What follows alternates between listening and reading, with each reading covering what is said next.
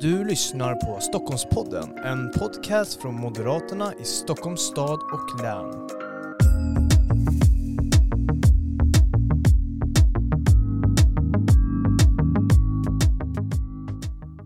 Ja, varmt välkomna till ännu ett avsnitt av Stockholmspodden. Det här är ju Moderaterna i Stockholms stad och läns podcast där vi pratar aktuella frågor, eh, vår sakpolitik, men även andra brinnande frågor i vårt eh, samhälle. Och idag ska vi prata om bostadsbristen, vi ska prata bostadsbyggande och med oss har vi Dennis Vedin. Du är fastighets och bostadsborgarråd i Stockholms stad. Och Oskar Weimar, du är kommunstyrelsens ordförande i Upplands Väsby. Mm, Varmt välkomna hit. Tack så mycket, kul att vara här. Och eh, nu är det ju så här att eh, igår var det annandag påsk och eh, för två dagar sedan var det påskdagen. nu ska vi se om jag kan här. Och för tre dagar sedan var det påskafton. Stämmer det? Säger du det så var det säkert det. Ja, Ja, ja. Och, och min fråga blir så här, har ni haft en bra påsk? ja, ja. för bövelen. Verkligen. Och, och på påsk äter man ju mycket gott och man dricker mycket gott och, och man har mycket trevligt. Och min fråga blir ju så här, vad är det bästa ni har ätit eller druckit i påsk? Kanske jag börjar med dig Dennis? Jag skulle nog säga senapssillen, definitivt. Eh, Och eh, om till dryck, då är det nog faktiskt så tråkigt att det blir någon form av ljus eh, pilsner. Melleruds tror jag faktiskt det var. Oh, Melleruds är gott. Mm, mycket gott. Jag har ju det glada barnasinnet i behåll så jag säger påskägg, det var det bästa Ja. jag åt. Eh, och sen eh, bästa jag drack, ja då blev jag lite vuxnare. Det var en amerikansk eh, Cabernet Sauvignon. Här Röd, Oh. rödvin. Ja, mycket fylligt. Rödvinshögen du vet. Ja, kul. Jag, jag kan ju sitta här också och berätta vad vad jag har druckit, men, men jag ska inte vara i fokus. Men jag har druckit väldigt mycket. Du fokuserar på, på kvantitet. Ja precis, kvantitet istället för kvalitet, det är mina ingångsvärden när det är sådana här högtider som midsommar och påsk och så vidare. Men med det sagt, eh, vi ska ju prata någonting mycket mer seriöst eh, kan man ju säga än, än påsk eh, och den ledighet som har varit. Vi ska ju prata bostadspolitik och det här är ju en fråga som inför varje val nästan alltid kommer upp. Det är en bostadsbrist, framförallt i storstadsregionen, Stockholmsregionen, men även i majoriteten av landets kommuner. Eh, och den här bostadsbristfrågan den kommer ju upp inför varje val och det är många unga som, som funderar. Folk som ska flytta hit, jag tänker att den är ju nästan uppe på agendan varje höst också för det är en hel del studenter som vill flytta till storstaden för att plugga och sedan göra karriär och man, man väljer ju bort vissa saker med för vissa företag eh, som vill ta hit människor men ja, det är brist på boende helt enkelt så det blir en viss problematik. Eh, trösklarna är höga.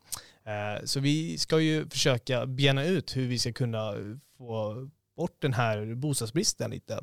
Men jag tänkte först innan vi, vi går in på själva det så är det ju så här att ni båda eh, sitter ju i och styr i era kommuner. I Stockholms stad styr ju Moderaterna tillsammans med andra partier och densamma är ju i Upplands Väsby sedan 2018. Valet 2018. Så jag tänkte att eh, första frågan för att kicka igång denna, det blir att eh, vi tar en tillbaka eh, titt på, på 2018. Man gick till val på någonting. Vad gick ni till val på när det kommer till, till bostadsbyggandet? Dennis? Eh, men verkligen jättespännande ämne och viktigt ämne och, och jättekul att eh, få prata med er om, om detta. Det, man måste ju börja med att säga att det är ju en förfärlig situation som, som vi har när det kommer till, till bostadsbyggandet. Det, det byggs inte tillräckligt med, med bostäder. Det är bostadsbrist i, i, i Stockholm. Eh, När vi, när vi kollar på Stockholms stad så är det till och med, en, när det kommer till netto, då är det till och med fler nu som flyttar ut eh, än som, som flyttar in till, till Stockholm och det drabbar ju lite vår, vår stolta självbild när vi ser den här, den här utvecklingen. Eh, Det, vad, är det, vad är det man kan säga då? Jo men då är det ju framförallt så att det är särskilt svårt för, för unga eh, och eh, nyanlända att komma in i, i, eh, på bostadsmarknaden. Eh, vi ser att det är eh, jättesvårt för, för unga som vill bi- bilda familj eh, att, att liksom kunna uppgradera sitt, sitt boende. Och vi ser också att det är mismatch mellan vad folk efterfrågar på bostadsmarknaden och på vad man kan, vad man kan få. Eh, och då är en, en, en viktig del för oss är att det ska vara ett blandat eh, bestånd över hela Mm. stan. Och det är någonting, apropå vallöften, som vi verkligen har fokuserat på nu. Att vi kollar på respektive stadsdel, eh, kollar på vad är det som behövs just här. Mm. Eh, och sen så är det att vi, vi ökar just eh, valfriheten och mångfalden när det kommer till bostadsbyggandet. Och då handlar ju det om att på sina håll verkligen få upp eh, graden av ägt boende. Mm. Eh, som vi, där vi ser att det inte har gör, gjorts tillräckligt och att eh, Moderaterna verkligen är en garant eh, för detta. Och det, det jobbar vi mycket med på olika sätt. Och sen när det kommer till Eh, faktiskt är det så att hyresrätter behövs på andra delar av, av stan och då ser vi till också att, eh, att eh, bygga sådana. Eh, så att det handlar ju om den här mångfalden och, eh, och det ska finnas en valfrihet när det kommer till, till bostadsformer i, när man vill, vill bo och leva i, i Stockholm. Så att bara för att göra det klart, någonting vi kämpar med som är ett väldigt viktigt vallöfte för oss var ju att få fram fler bostäder. Och där har vi nu, trots att vi har haft en väldigt tuff konjunktur, så har vi lyckats hålla bostadsbyggandet uppe mm. på samma höga nivå som den, den, tidigare varit på i, i Stockholm. Det är vi väldigt nöjda över. Och förra året så, så markanvisade vi det tredje högsta antalet i stadens eh, historia när det kommer till, till fler bostäder. Så att vi har verkligen lyckats bryta en negativ trend kring, kring minskade bostäder just när det kommer till markanvisningar och hållit uppe farten. Eh, och mm. det är vi särskilt eh, stolta för. Mm. Hålla uppe farten under en, en viss kris också, ska vi komma ihåg. En viss besvärlig kris, ja, precis. En viss besvärlig kris. Ni då, Oskar i Upplands Väsby? Mm. Eh, din fråga om bostadsbyggande, bostadsbrist och vad vi gick till val på. Och då ska jag inledningsvis eh, presentera den kommun som jag företräder. Det kan vara så att alla inte har örnkoll på Upplands Väsby. Men vi är en kommun om eh, 47 000 invånare. Ligger söder om Arlanda, norr om Sollentuna ungefär. Där i länet är vi. Eh, det är många som vill bo i Väsby, flytta till Väsby. Folk som företag. Och det där ser vi ju. Vi ser ju efterfrågan på bostäder och vi ser det som en möjlighet. Vi ser det, ja, men vi vill mätta den marknaden eller ja, eh, se till att, möjligt, att människor kan flytta till Väsby. Så vi bygger, vi ser eh, förutsättningar och fördelar med att bygga och att kommunen utvecklas. Men då att göra det med Väsbybornas önskan och preferenser i första rummet. Och här, inga exempel nämnda, men det finns eh, olika exempel på hur när opinioner skapas mot bostadsbyggande, mot utveckling. Ehm, och det där sätter ju käpparna i hjulet för oss, vi som faktiskt vill se en sån här utveckling framåt. Och då, ehm, min bild är ju att arkitekter och byggherrar, de, de är nödvändiga ingredienser. De bidrar med mycket gott, de kan bidra med mycket gott. Men det är och har alltid varit Väsbybornas intressen som är det som vi har satt i första rummet och eh, sagt att det ska vara ledande i det samhälle som vi bygger. Och då att lyssna in vad de tycker har varit eh, en viktig del i det här. Och det, det gjorde vi dels innan vi gick till val och eh, utarbetade några konkreta olika eh, åtgärder och förslag som vi gick till val på. Och sen också gick vi till val på att lyssna in. Alltså att under löpande under mandatperioden lyssna in och göra Västborna delaktiga i samhällsplaneringen. Så att, mm. liksom lite mer konkret då. Eh, så vi gick till val på att bygga i klassisk stil, så kallad. Få till mer småhusutveckling i naturnära områden och att eh, se ett utvecklat användande av medborgardialoger just i stadsbyggnad och samhällsplanering. Det gick vi till val på. Mm. Har det gått bra under, under mandatperioden sen? Och uppfylla vallöftena. Ypperligt. Ja. Ypperligt. Ja, vi eh, har haft igång en sån här medborgardialog. Eh, jag vet att i Stockholms stad så arbetar man fram en arkitekturpolicy. Och lite liknande har vi gjort i Upplands Väsby. Väldigt hands-on att låta Väsbyborna tycka till om färg, material och arkitekturstilar och attributen där i. Och låta det vara vägledande i, ja men, när vi utvecklar staden Upplands Väsby. Vi har tillsammans med privata markägare fått igång eh, planprocesser för byggande i naturnära områden för småhusutveckling. Och vi har en markanvisningstävling igång just nu som snart går mållinjen för byggande i klassistil. Mm. Full rulle med, med andra ord i Upplands Väsby. Ja, mycket bra. Eh, jag tänkte att vi, vi går vidare och enligt Boverkets enkät för 2020 så upplever ju alla kommuner i, i Stockholmsregionen att man har ett underskott på bostäder. Eh, så man kan inte mätta den marknaden. Och det här är ju flera olika kommuner också i, i hela landet. Det är ju inte bara i, i Stockholmsregionen som sticker ut på det sättet, utan alla huvudstadsregioner, eller inte huvudstadsregioner, men alla storstadsregioner gör ju det. Eh, jag tänker så här, vi ska gå tillbaks. Hur kommer det här sig? Alltså att man inte kan, kan mätta eh, den marknaden som finns. Jag skulle säga, apropå det jag var inne på, så, så är det ju en, en, en missmatch i vad man, upp, man, man, som man önskar eh, för boende och vad som, som finns. Och det främsta exempel på det tycker jag är att när till och med Hyresgästföreningen gör egna enkäter eh, så ser vi att det unga vill ha är just att bo i ägt boende. Och varför då? Jo men då är, man förstår ju själva att man då kommer in, man vill göra den här bostadskarriären, man måste få in en fot för att, för att klara av detta, annars är det omöjligt i princip att ta sig in.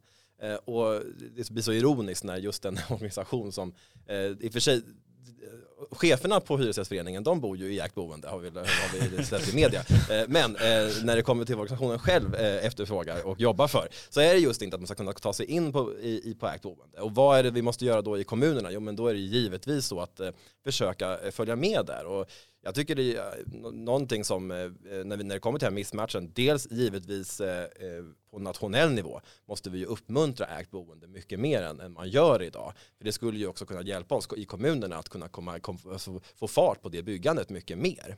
Det är ju särskilt dyrt idag att, att låna exempelvis. Det tycker jag är något särskilt man måste, man måste kolla på. Eh, men låt mig också bara eh, säga att vi har exempelvis alldeles för många trångbodda barnfamiljer mm. idag i Stockholm och det är också ett väldigt stort problem där vi ser en missmatch i att man vill, man vill, man vill bo större och då, kanske, då spelar boendeformen mindre roll men att när man bygger idag så är det kanske också att man bygger för, för mindre i, i lägenhetsform. Och, och, det är också en sån sak som vi måste följa med i och, och se till att barnfamiljer får en, eh, enklare att just när, när familjen växer så vill man mm. ha mer, mer yta och det ska vi givetvis också följa efter. Och någonting som vi gör där för, på, i Stockholms stad är att försöka hänga med då i att vi ställer om vår organisation mycket mer så att vi kan få fart på det här byggandet. Att vi exempelvis genom byggaktörsdrivna processer ser till att det, tar, att det blir mycket eh, man ökar genomförbarheten i de aktuella eh, projekten genom att man exempelvis eh, får ner handläggningstiden eh, mm. på, på stadsbyggnadskontoret. För det är någonting som många upplever är att det, det tar alldeles för lång tid.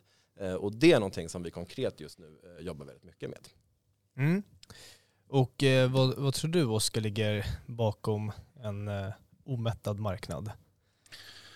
Ja, det är mycket, mycket det Dennis har sagt och sen tänker mig att vi kommer komma in på det med amorteringskrav och eh, hyresreglering. Mm. Ett eh, alldeles för dåligt utnyttjande befintliga bostadsbeståndet som eh, jag ser som en stor bov i dramat. Apropå just det här med att det finns trångbodda barnfamiljer och sen finns det ja, det är två seniorer som bor i en, en 70-talsvilla men ja, de upplever sig inte ha råd att flytta därifrån. Eh, ja, mm. dåligt mm. utnyttjande av bostadsbeståndet. Mm. Så det finns, finns alltså en hel del regleringar ja. som, som inte främjar bostadsbyggandet. Precis, och jag, menar, jag, jag tycker det är väldigt sympatiskt det, det Dennis nämner just om att snabba upp handläggningen. För att det tar ju väldigt lång tid från idé till ja, färdig bostad som verkligen står där. Med, man kan prata om överklagande tider, hur det, hur det påverkar negativt. Det är sådana saker utöver de här amorteringskraven. Mm hyresreglering med flera är ju sånt som gör att det, det, blir ju svårt för det här med utbud och efterfrågan att liksom eh, mötas och att det blir sömlöst det här att det är kundernas efterfrågan som styr vad som produceras. Mm. Det, när det är så långa ledtider, ja, då kan ju man förstå att eh, det finns de som bygger som satsar på, ja men vi eh, får två år för på 65 kvadrat sålda, ja vi gör nästan bara det och inte lyssna på eh, hur efterfrågan ser ut på riktigt. Mm. Jag tänker, Dennis, du var lite inne på det här med saker ni saknar från den nationella nivån. Nu sitter ju inte Moderaterna i regeringen, tyvärr. Eh, men snart så, eh, efter valet 2022, om väljarna får bestämma. Eh, vet det? Så jag tänkte där, om vi säger att vi hade en, en moderatledd regering, om vi, vi leker lite med den tanken, vi sitter i regering, vad hade då ni krävt från era partikollegor där på, på regeringskansliet? Det ur ett övergripande perspektiv mindre regleringar, precis mm. det som du själv nämnde. Det, är ju, det finns så många exempel tycker jag på konstiga regleringar som, som förhindrar för byggande idag. Och, och det, någonstans blir man ju känns det ju helt hopplöst att eh, så många kommuner vittnar om en bostadsbrist. Eh, mm. Och uppenbarligen så är det ett väldigt stort problem för många eh, att man inte får det boende som man, som man vill. Men vi har ingen krismedvetenhet nationellt och det är för mig helt, helt obegripligt. Bara sådana här enkla saker som att men i bullernivåer. Att du, vi, vi mäter bullernivån för, för Spindelmannen utanför fasaden eh, istället för att vi kollar på bullret in, inuti lägenheten. Eh, det, är så här, det är bara en sån enkel mm. sak som i att här, men det här försvårar för oss i att, att bygga där det just är mycket buller och det är blir, då är det inte konstigt att vi inte får fram de projekt som vi vill i exempelvis innerstan mm. eh, där, vi, där det finns ett stort behov över att, eller intresse av, över att bo. Jag kan också säga ett, ett annat exempel som jag tänker på är ju när det kommer till tillgänglighetsanpassning. Ja, men givetvis så måste vi ju ha tillgänglighetsanpassade lägenheter i respektive hus som vi bygger såklart. Men att allt ska vara mm. Eh, tillgänglighetsanpassat. Eh, när vi bygger nya studentbostäder ska 100% av de lägenheterna då vara eh, i, sin yttersta form 100% tillgänglighetsanpassade. det, det, ökar det, det drar ju på. Det, det, skapar alltså så pass höga produktionskostnader att det till, till slut innebär att vi får högre hyra för studenterna på en nivå som inte är rimligt. Och de här mm. höga hyrorna är det som många uppfattar är det största problemet i nyproduktion. Så här regleringar som just eh, försämrar, för, försvårar och försämrar för oss att, att få fram det boende som, som behövs, eh, det, det skulle man verkligen vilja ta tag i nationellt. Mm. Ja, Fantastiskt sagt. Spindelmannen. Ja, det är jätteroligt. Nej, jag hade just tänkt eh, nämna det här med bullerproblematik och eh, riksintressen. Eh, nu eh, är inte det enbart i Upplands Väsby som det bullrar. Jag kan ju berätta, nu innan podden startade så berättade Zacharias en spännande berättelse om E4 som han var med om. E4 går i alla fall genom Upplands Väsby, det bullrar från den. Vi har järnvägen som går genom Upplands Väsby, det bullrar från den. Och inte minst så bullrar det från flygen till och från Arlanda som flyger in just ja, ovanför Upplands Väsby.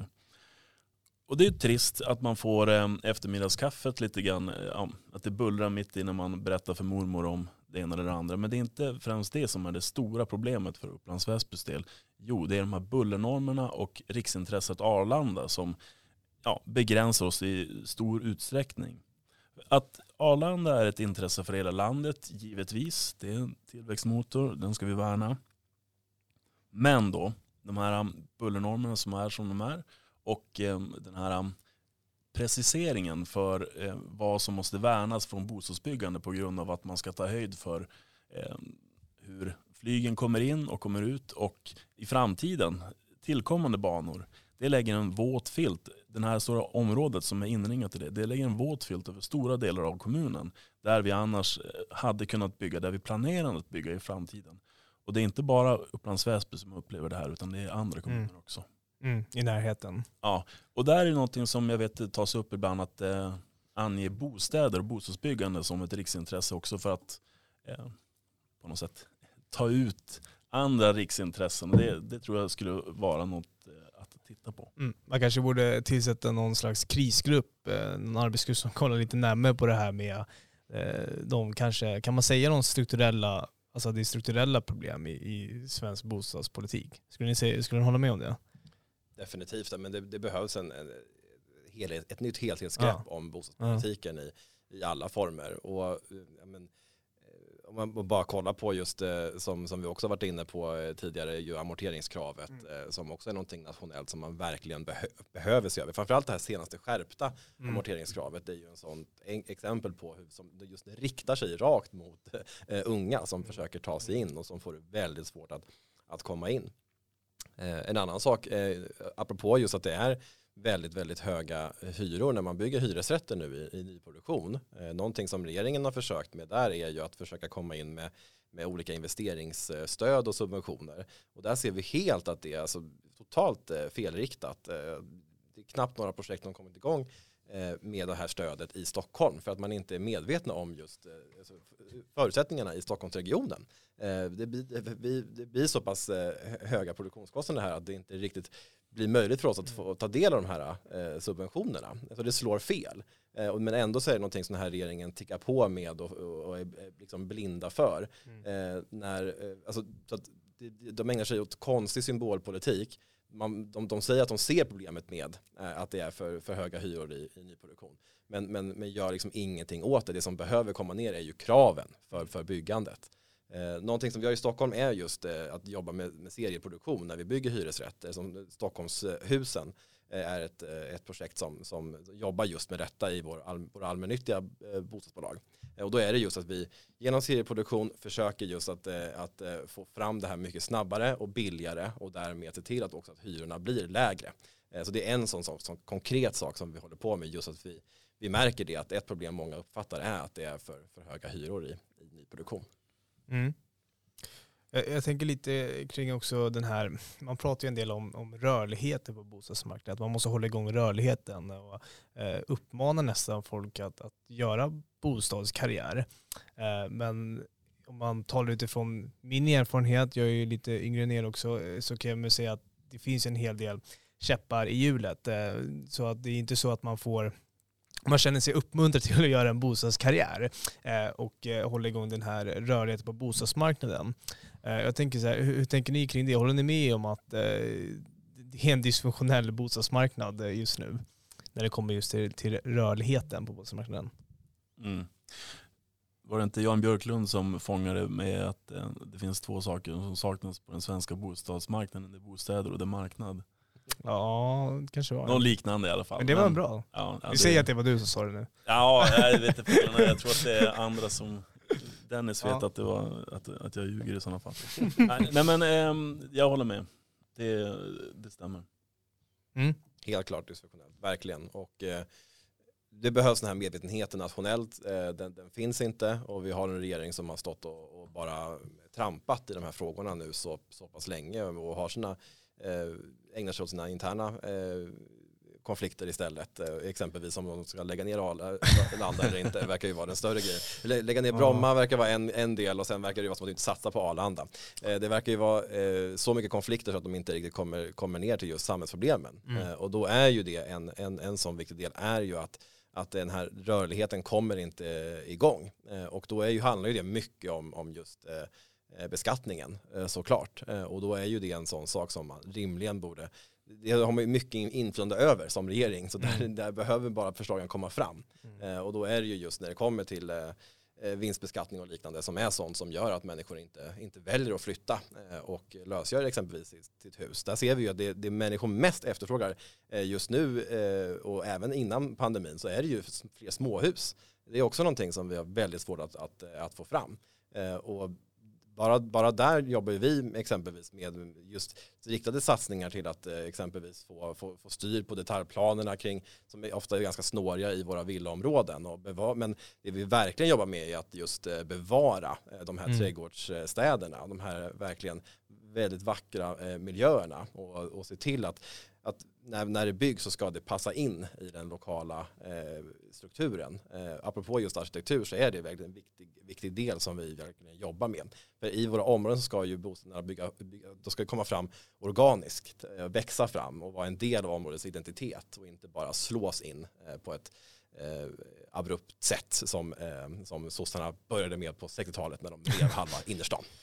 Ja just det. Eh, jag, jag tänkte att vi, vi eh, vi, vi ska gå vidare och det finns ju en, det finns vissa grupper som har extra svårt att eh, ta sig ut på, på bostadsmarknaden och, och eh, kanske få en egen bostad och så vidare. Prata om ungdomar, eh, nyanlända och andra ekonomiskt svaga grupper. Och eh, man har ju pratat en del om att ja, men vi måste på något sätt hjälpa den här gruppen att komma ut på bostadsmarknaden. Och vissa pratar ju om att ja, det måste finnas riktade insatser mot, eh, mot de här grupperna som, som hjälper in dem på, på bostadsmarknaden och så vidare. Eh, vad, vad tänker ni kring det? De här grupperna som verkligen har eh, jättesvårt att få tag på en bostad. Jag vet ju att man har ju studentbostäder, det är ju ämnade för studenter och så vidare. Ska man, ska man ha student, eller bo, fler bostäder som är ämnade för vissa grupper eller hur, hur ska man göra? Bara leka lite med, med tanken. Alltså, vi har ju sociala kontrakt i dagsläget. När, apropå markanvisningen så är det någonting som följer med i när vi eh, ja, tecknar markanvisningar. Ehm, vi har det i kommunala bostadsbolaget och även hos eh, andra privata hyresvärdar i kommunen. Och det är på något sätt en svag grupp om man, om man säger så. Sen tycker jag att det, man, man lätt kan gå vilse ifall man börjar hålla på att tänka att det här ska vara för eh, nyanlända och börja liksom gå iväg där någonstans. Att det, det ska bli eh, öronmärkt på det viset. Jag tror att det är en viktig tanke är att inte göra fel. Att eh, gå i den här miljonprogramsfällan och bygga alldeles för stort och standardiserat och eh, superrationellt och liknande. Jag, jag, vet, jag är fullt med, med, medveten om att det finns eh, jättebra exempel på hur man på ett bra och möjligen mer småskaligt sätt som Dennis tog upp där med Stockholmshus kan bygga eh, smart och billigt för att få det billigt i nyproduktion. Men ofta så tänker man att ja, men vi bygger bort problemet genom att bygga massor. Bygga jättebilligt nytt. Mm. Så blir det eh, ja, inte kåkstäder. Det är väl att ta det för långt. Men att man går fel på det viset. Så att man ska inte göra fel. Och sen eh, gäller det att göra göra rätt också då. Att eh, möjliggöra för människor att kunna komma in och eh, få bostäder. Och nu är det möjligen en repig skiva som spelas här men jag tror mycket är det här med få till en bättre utnyttjande av det befintliga bostadsbeståndet för att kunna frigöra mer prisvärda eh, bostäder för de som kanske inte har så mycket på fickan. Snarare än att vi ska bygga storskaligt, mm. lågkvalitativt. Mm. Vad tror du då Dennis, hur ska vi lyckas få in de här men det är verkligen det är viktigt när vi ser att vi har särskilda grupper som har särskild problematik. Och där jobbar vi i Stockholms stad med exempelvis eh, möjligheten till, till tillfälliga kontrakt och, och mm. liknande just för, för särskilt eh, utsatta grupper. Eh, och, eh, och, och, det är ju väldigt viktigt just att man, att man ger eh, just när det kommer till socialt utsatta eller när det kan vara nyanlända eh, just den här möjligheten just att, att kunna exempelvis komma in, få, få, få hjälpinsatser, komma in i jobb och, och kunna få lättare att stå på egna ben. Eh, när det kommer till bostadsförmedlingen har vi exempelvis en, en förtursverksamhet just också för exempelvis våldsutsatta eh, i, i, i nära relationer eller eller annat eh, ska få just eh, hjälp att snabbt kunna, eh, kunna, kunna komma in och få, få hjälp. Men när det kommer till övergripande så större lösningar för breda grupper, där är det väldigt problematiskt om vi börjar öppna upp för just särlösningar skulle jag säga. Utan då är det ju just att vi vågar ta tag i de viktiga större problemen på bostadsmarknaden och få, få, få till den här rörligheten och mm. eh, prata allvar om just de tydliga samhällsproblem som vi ser just för, för särskilda grupper i i samhället. För då får vi, det vi skulle behöva är ju att prata, med, det är inte bara boende som sådant som är en, ett verktyg och en insats, utan vi ska ju komma med, med breda, eh, olika typer av eh, verktyg eh, och en, en, göra en bred insats med hjälp till de som särskilt eh, behöver det. Eh, och när det kommer till, du nämnde unga exempelvis som, som behöver komma in, alltså det jag kan bara tycka är så, så absurt just nu är att vi har Eh, när vi ser just att, eh, att eh, unga efterfrågar ägt boende så är det ändå så att vi hela tiden kommer tillbaka till att man, det är svårare än, än någonsin just nu att, att komma in på mark, bostadsmarknaden, att, att få det här bostadslånet. Och det, det här borde ju vara en, en, tid när det här frodas. Alltså vi har ju jättelåga räntor exempelvis. Mm. Det här borde ju vara tillfället att, för oss att verkligen få igång de här, de här projekten. Eh, Medan eh, eh, vi ser där att vi fortfarande står och stampar. och så håller regeringen på och tänker på nya skatter istället för, mm. för att försämra för människor. Så att, det är här någonstans vi behöver liksom, vi måste ta, ta tag i hel, ett helhetsgrepp mm. nationellt från mm. första början. Och en, du pratar om skatter, en, en aktuell skatt är ju den här Socialdemokraterna i Stockholms stad vill ju återinföra fastighetsskatten. På när du pratar skatter tänkte jag bara nämna det. Hur, här, hur skulle det påverka till exempel de som vill in på, på en bostadsmarknad om, om vi skulle få en återinförd fastighetsskatt? Alltså vi pratar ju 10, 20, 30 tusen eh, kronor per, per år för människor som inte bara bor i småhus utan även bostadsrätter. Mm. Eh, det är väldigt många stockholmare som skulle bli drabbade av ett sånt här in, ny införd skatt som vi har prövat en gång och som, som alliansen säkerställde att man, att man fick bort. Mm. Det, jag måste säga, det är väldigt mycket, det är väldigt anmärkningsvärt att, att eh, Anders Ygeman dessutom som, som ordförande för Socialdemokratiska arbetarpartiet i just Stockholms stad är den som nu driver på inom Socialdemokraterna för en sån här skatt. Alltså det är ju lite som att eh, politikerna i New York skulle kämpa för en höghusskatt eller mm. liksom, eh, vad kan vi ta för fler, fler eh, spontana exempel. Det, det, är som att eh, eh, Lilla Sjöjungfrun, Ariels pappa var ju kung, att, att han skulle införa en skatt på på, eh, vatten. Eh, ja men det är absurt. Ja, men det, det blir så här, han, han, han, med, med precision så riktar sig An- Anders Ygeman eh, till, eh, alltså, eh, han kämpar för en skatt som främst skulle drabba de egna väljarna Ja. i, i Stockholm. Och han behöver ju svara på eh, hur han motiverar detta, för det är verkligen, eh, det skulle drabba så många som, som just ju räknat med nu att vi har kommit ifrån en sån här absurd beskattning. Mm. Mm. Håller du med om, om eh, det här med, med kung eh, och skatt på Ja, vatten? ja, och Oskar det- sitter och ler. Ja, men, fantastiskt eh, färggrann retorik du har Dennis, jag är imponerad. Havet är djupt. Ja. Ja, men så, så här, vissa skulle kalla det modigt, andra skulle kalla det dumdristigt av Ygeman då.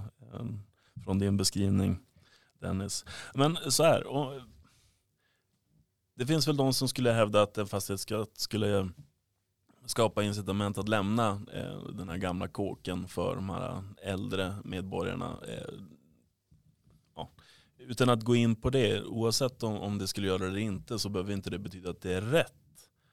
Alltså, jag tycker att det här är ju ett slag mot äganderätten. Och det är ju någonting som varje eh, moderat borde eh, ställa sig på barrikaderna och kämpa mot. Mm. Det är att be- bestraffa folk som egentligen vill Ja. äga sitt boende. Precis. Är Lite, lite så nästan. Och jag ska säga till, till er som lyssnar att om eh, man håller med oss här så kan man gå in på stoppafastighetsskatten.nu och eh, skriva under eh, för att inte få en återinförd fastighetsskatt. Det är en kampanj som vi har just nu. Så gå in, eh, skriv under och eh, vara med eh, i kampen mot eh, detta vansinne. Jag tänker att vi, vi ska gå vidare också och eh, vi, vi var ju lite innan vi gick in på fastighetsskatten där, lite kanske off topic, men, men vi var ju inne på det här med nyanlända och vi har ju i Sverige en integrationskris som vi moderater har fastställt och man jobbar ju mycket med, med integrationsutmaningen och vi har ju utanförskapsområden eh, som är byggda på ett visst sätt Eh, och jag tänker så här, hur kan hur kan bostadsbyggande bidra till en bättre integration? Jag slänger ut den frågan så, så får vem som helst plocka upp den. Vi, Oskar kör så här. Här. Okej, jag, jag tänker um, utöver ombildningar, eh, jag, jag tänker att det är, en, det är någonting som uh, Dennis med fördel kan, kan eh, berätta, beskriva mer om. Um, vi har gjort uh, mycket av det tidigare när vi hade makten mellan 2006 och 2014. Inte lika mycket under den här mandatperioden. Men utöver det så tänker jag att det, det är också någonting man kan tänka på kring byggandet och liknande. Att dels så kan man ju riva destruktiva miljöer men man kan också komplettera. Eh, En stor del av centrala Upplands Väsby är just miljonprogramsområden, miljonprogramsmiljöer som är inte alltid så väldigt eh, trevliga och trivsamma. Betong, betonghus. Eller? Ja, så tänk så här, vad heter det? underhållsfritt material, Ja, alltså det, ja. plåt. Eh, Okej. som efter 40 år kanske inte, man märker att det var inte underhållsfritt ändå. Eh, så. Och en, det är ju människor som bor i de husen och det, de har ju en bostad. De är ju glada för att ha den bostaden men eh, det, vi kan ju inte, inte alltid driva alla sådana hus utan då gäller det också att komplettera. Eh, komplettera med kompletterande bebyggelse vilket vi har gjort också då. Vi eh, har satt särskilt fokus på att få in en ökad variation där. Så att det inte är just så stor andel bara hyresrätter från 70-talet vid en och samma del av kommunen utan få till bostadsrätter, få till radhus, stadsvillor, lite sådana saker. Och, eh, Eh, ja, men få, få till en, en blandning där och få till en variation för att bryta destruktiva mönster. Det är någonting som man kan göra för en ökad integration.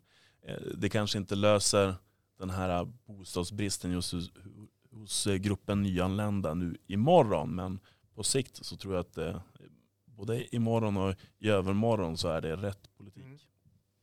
Jag- tänker det här är så viktigt som, som Oskar nämner också i att du Eh, i de här miljonprogramsområdena, vad är det man kan göra? Dels måste vi göra upp med hur, hur hamnar vi i den här situationen eh, på något vis.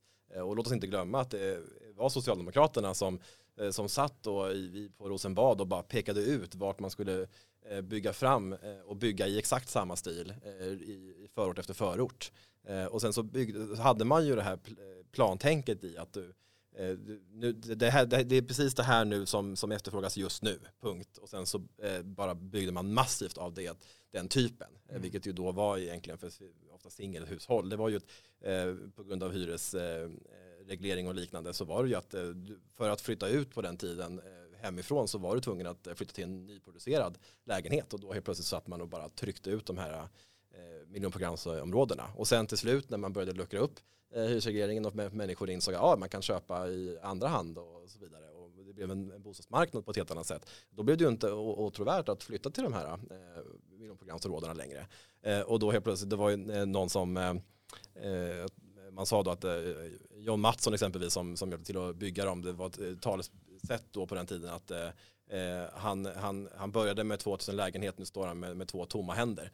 Eh, det vill säga att eh, helt plötsligt man byggde så mycket eh, och sen så helt plötsligt så efterfrågades det inte längre. Och så blev det i princip öde, ödestäder eh, som sen nu har blivit utanförskapsområden. Vad är det vi måste lära oss av detta? Jo men bort med plantänket eh, och just vi måste bygga bland, för blandade stadsdelar eh, och inte ha det här eh, att det- ska vara på- ett sätt man ska, man ska bygga. Eh, och inte, dels när det kommer till gestaltningen men dels också i vilken typ av, av, eh, av bostäder. För här var det ju bara hyresrätter man, man byggde då. Eh, en, och bara innan jag kommer in på, på hur ombildningar är en, en viktig lösning där, låt oss tänka på också då att vad är det som vad är särskilt fel i de här områdena nu? Men det är ett otryggt. Eh, det är fult och otryggt. Eh, dels fult i och med betongen som i, många delar är kulturskyddad nu så vi kan inte ens, kan inte ens måla I Stockholm får vi inte ens måla över betongen. Eh, vi började, ett av mina bostadsbolag började måla över ett parkeringsgarage. Man, boende efterfrågade mer färg. Så då började man måla eh, blått eh, på, på ena sidan. Såklart. Och då- eh, ja, ja, Vackert, vackert. Och, och då hörde man av sig från Stadsmuseet då och förklarade att ni måste sluta måla för att det här är, är skyddat. Eh, och så nu, än idag så är det här garaget halvt målat och halvt eh, betong. Eh, så vi har liksom lagar, lagar och regler som, som skyddar betongen eh, som människor vill ha bort, vilket bara är fullständigt absurt. Eh, och sen då, eh, eh, vi måste ju ha slutna kvarter eh, som eh, de ger tydliga gaturum och, och välanvända eh, gårdar. Ett, typ, en typ av ägande eh, där du verkligen vet att på min gård så är det inga andra eh, och här kan jag röra mig mer fritt.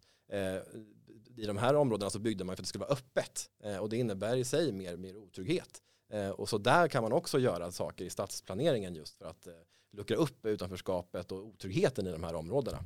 Men vikt, främsta all, viktigaste delen i, i vad vi måste komma ifrån med nu är att exempelvis i Rinkeby då är det 95% som bor i hyresrätt. Så eh, får du ett jobb i, i Rinkeby då ser vi att flyttmönstret eh, är att eh, men, oj nu får, nu får jag pengar, nu vill jag göra bostadskarriär och investera i mitt hem. Men då kan du inte bo i Rinkeby för det finns inte sådana boenden. Då flyttar du till eh, antingen Vällingby eller, eller Järfälla oftast. Eh, och det är det som, vi, som är så viktigt nu med det vi har möjliggjort nu i den grönblåa majoriteten, att möjliggöra för ombildningar eh, där man alltså kan ombilda sin hyresrätt till en bostadsrätt i eh, ytterstadsstadsdelar där allmännyttan är särskilt dominerande. Så det är enbart i de stadsdelar där vi ser att det behövs en, en bättre blandning. Det är där vi ger den här möjligheten och så är det boende själva som tar initiativet och driver på för de här processerna. Och där ser vi nu att vi är, är igång. Den första ombildningen har redan eh, skett i, i Västertorp.